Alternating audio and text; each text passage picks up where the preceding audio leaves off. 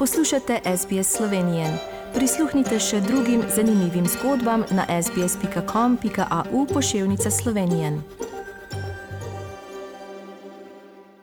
Prijazen pozdrav, spoštovani rojaki. Voda je naposled zdramila slovenske volivke in voljivce. Ta osnovna življenjska potrebščina je za slovence nadvse pomembna tema saj je naša država ena redkih v Evropi in na svetu, kjer lahko čisto kvalitetno vodo pijemo iz domačih pip in to želimo seveda tudi ohraniti.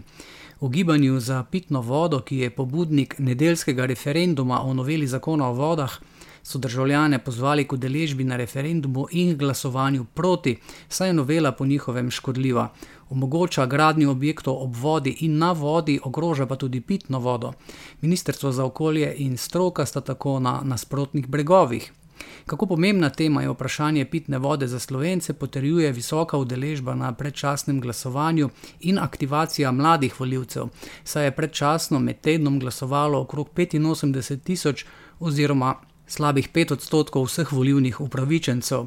Predlog novega zakona o vodah po besedah nasprotnikov omogoča gradnjo ob vodi in na vodi, kjer bodo lahko gradili hotele, parkirišča, gostilne, trgovske centre in tudi 40 km2 velike oglasne panoje.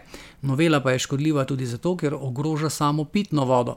Prvo pravilo pravi, da če hočemo zaščititi pitno vodo, potem moramo tisti ozek pas ob vodi pustiti pri miru, so pojasnili okoljevarstveniki in dodali, da ta ozek pas pomeni radoživ ekosistem, ki vodo filtrira da iz pipe priteče čista pitna voda. Zagovorniki zakona pa skupaj z ministrom za okolje in prostor Andrejem Vizjakom poudarjajo, da se nabor objektov, ki jih bo mogoče graditi na priobalnih zemljiščih, oži.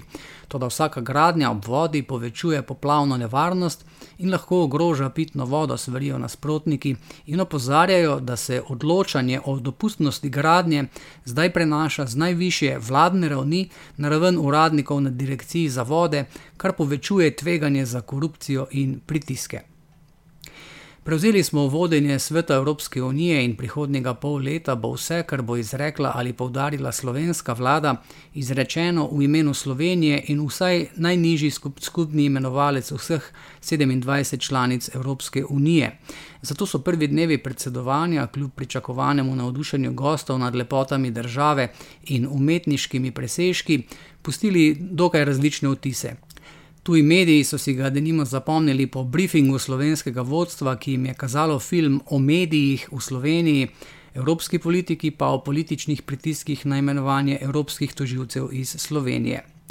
Ko je predsednik vlade Janez Janša slovenskim poslancem predstavil program šestmesečnega slovenskega predsedovanja svetu Evropske unije, je kot eno ključnih tem izpostavil boj proti epidemiji COVID-19 in znova pozval k cepljenju. Če do jeseni ne bo cepljenih 70 odstotkov prebivalstva, bo država spet zaprta, je opozoril. Trenutno je v državi 488 aktivnih primerov okužbe s COVID-19, polno cepljenih je v Sloveniji 730 tisoč ljudi, oziroma okrog 35 odstotkov populacije. Umikanje omejitvenih ukrepov in posledično postopno okrevanje gospodarske aktivnosti pa se še niso v celoti odrazili v izboljšanju položaja javnih financ.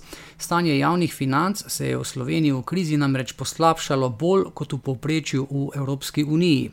Se je pa po podatkih statističnega urada z višjim povprečnim dohodkom dvignil tudi prak revščine.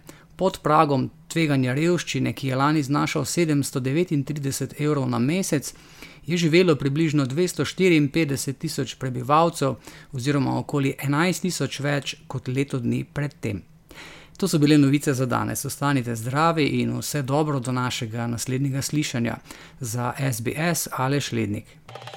Želite slišati sorodne zgodbe? Prisluhnite jim preko Apple ali Google podcasta, preko aplikacije Spotify ali kjerkoli drugje.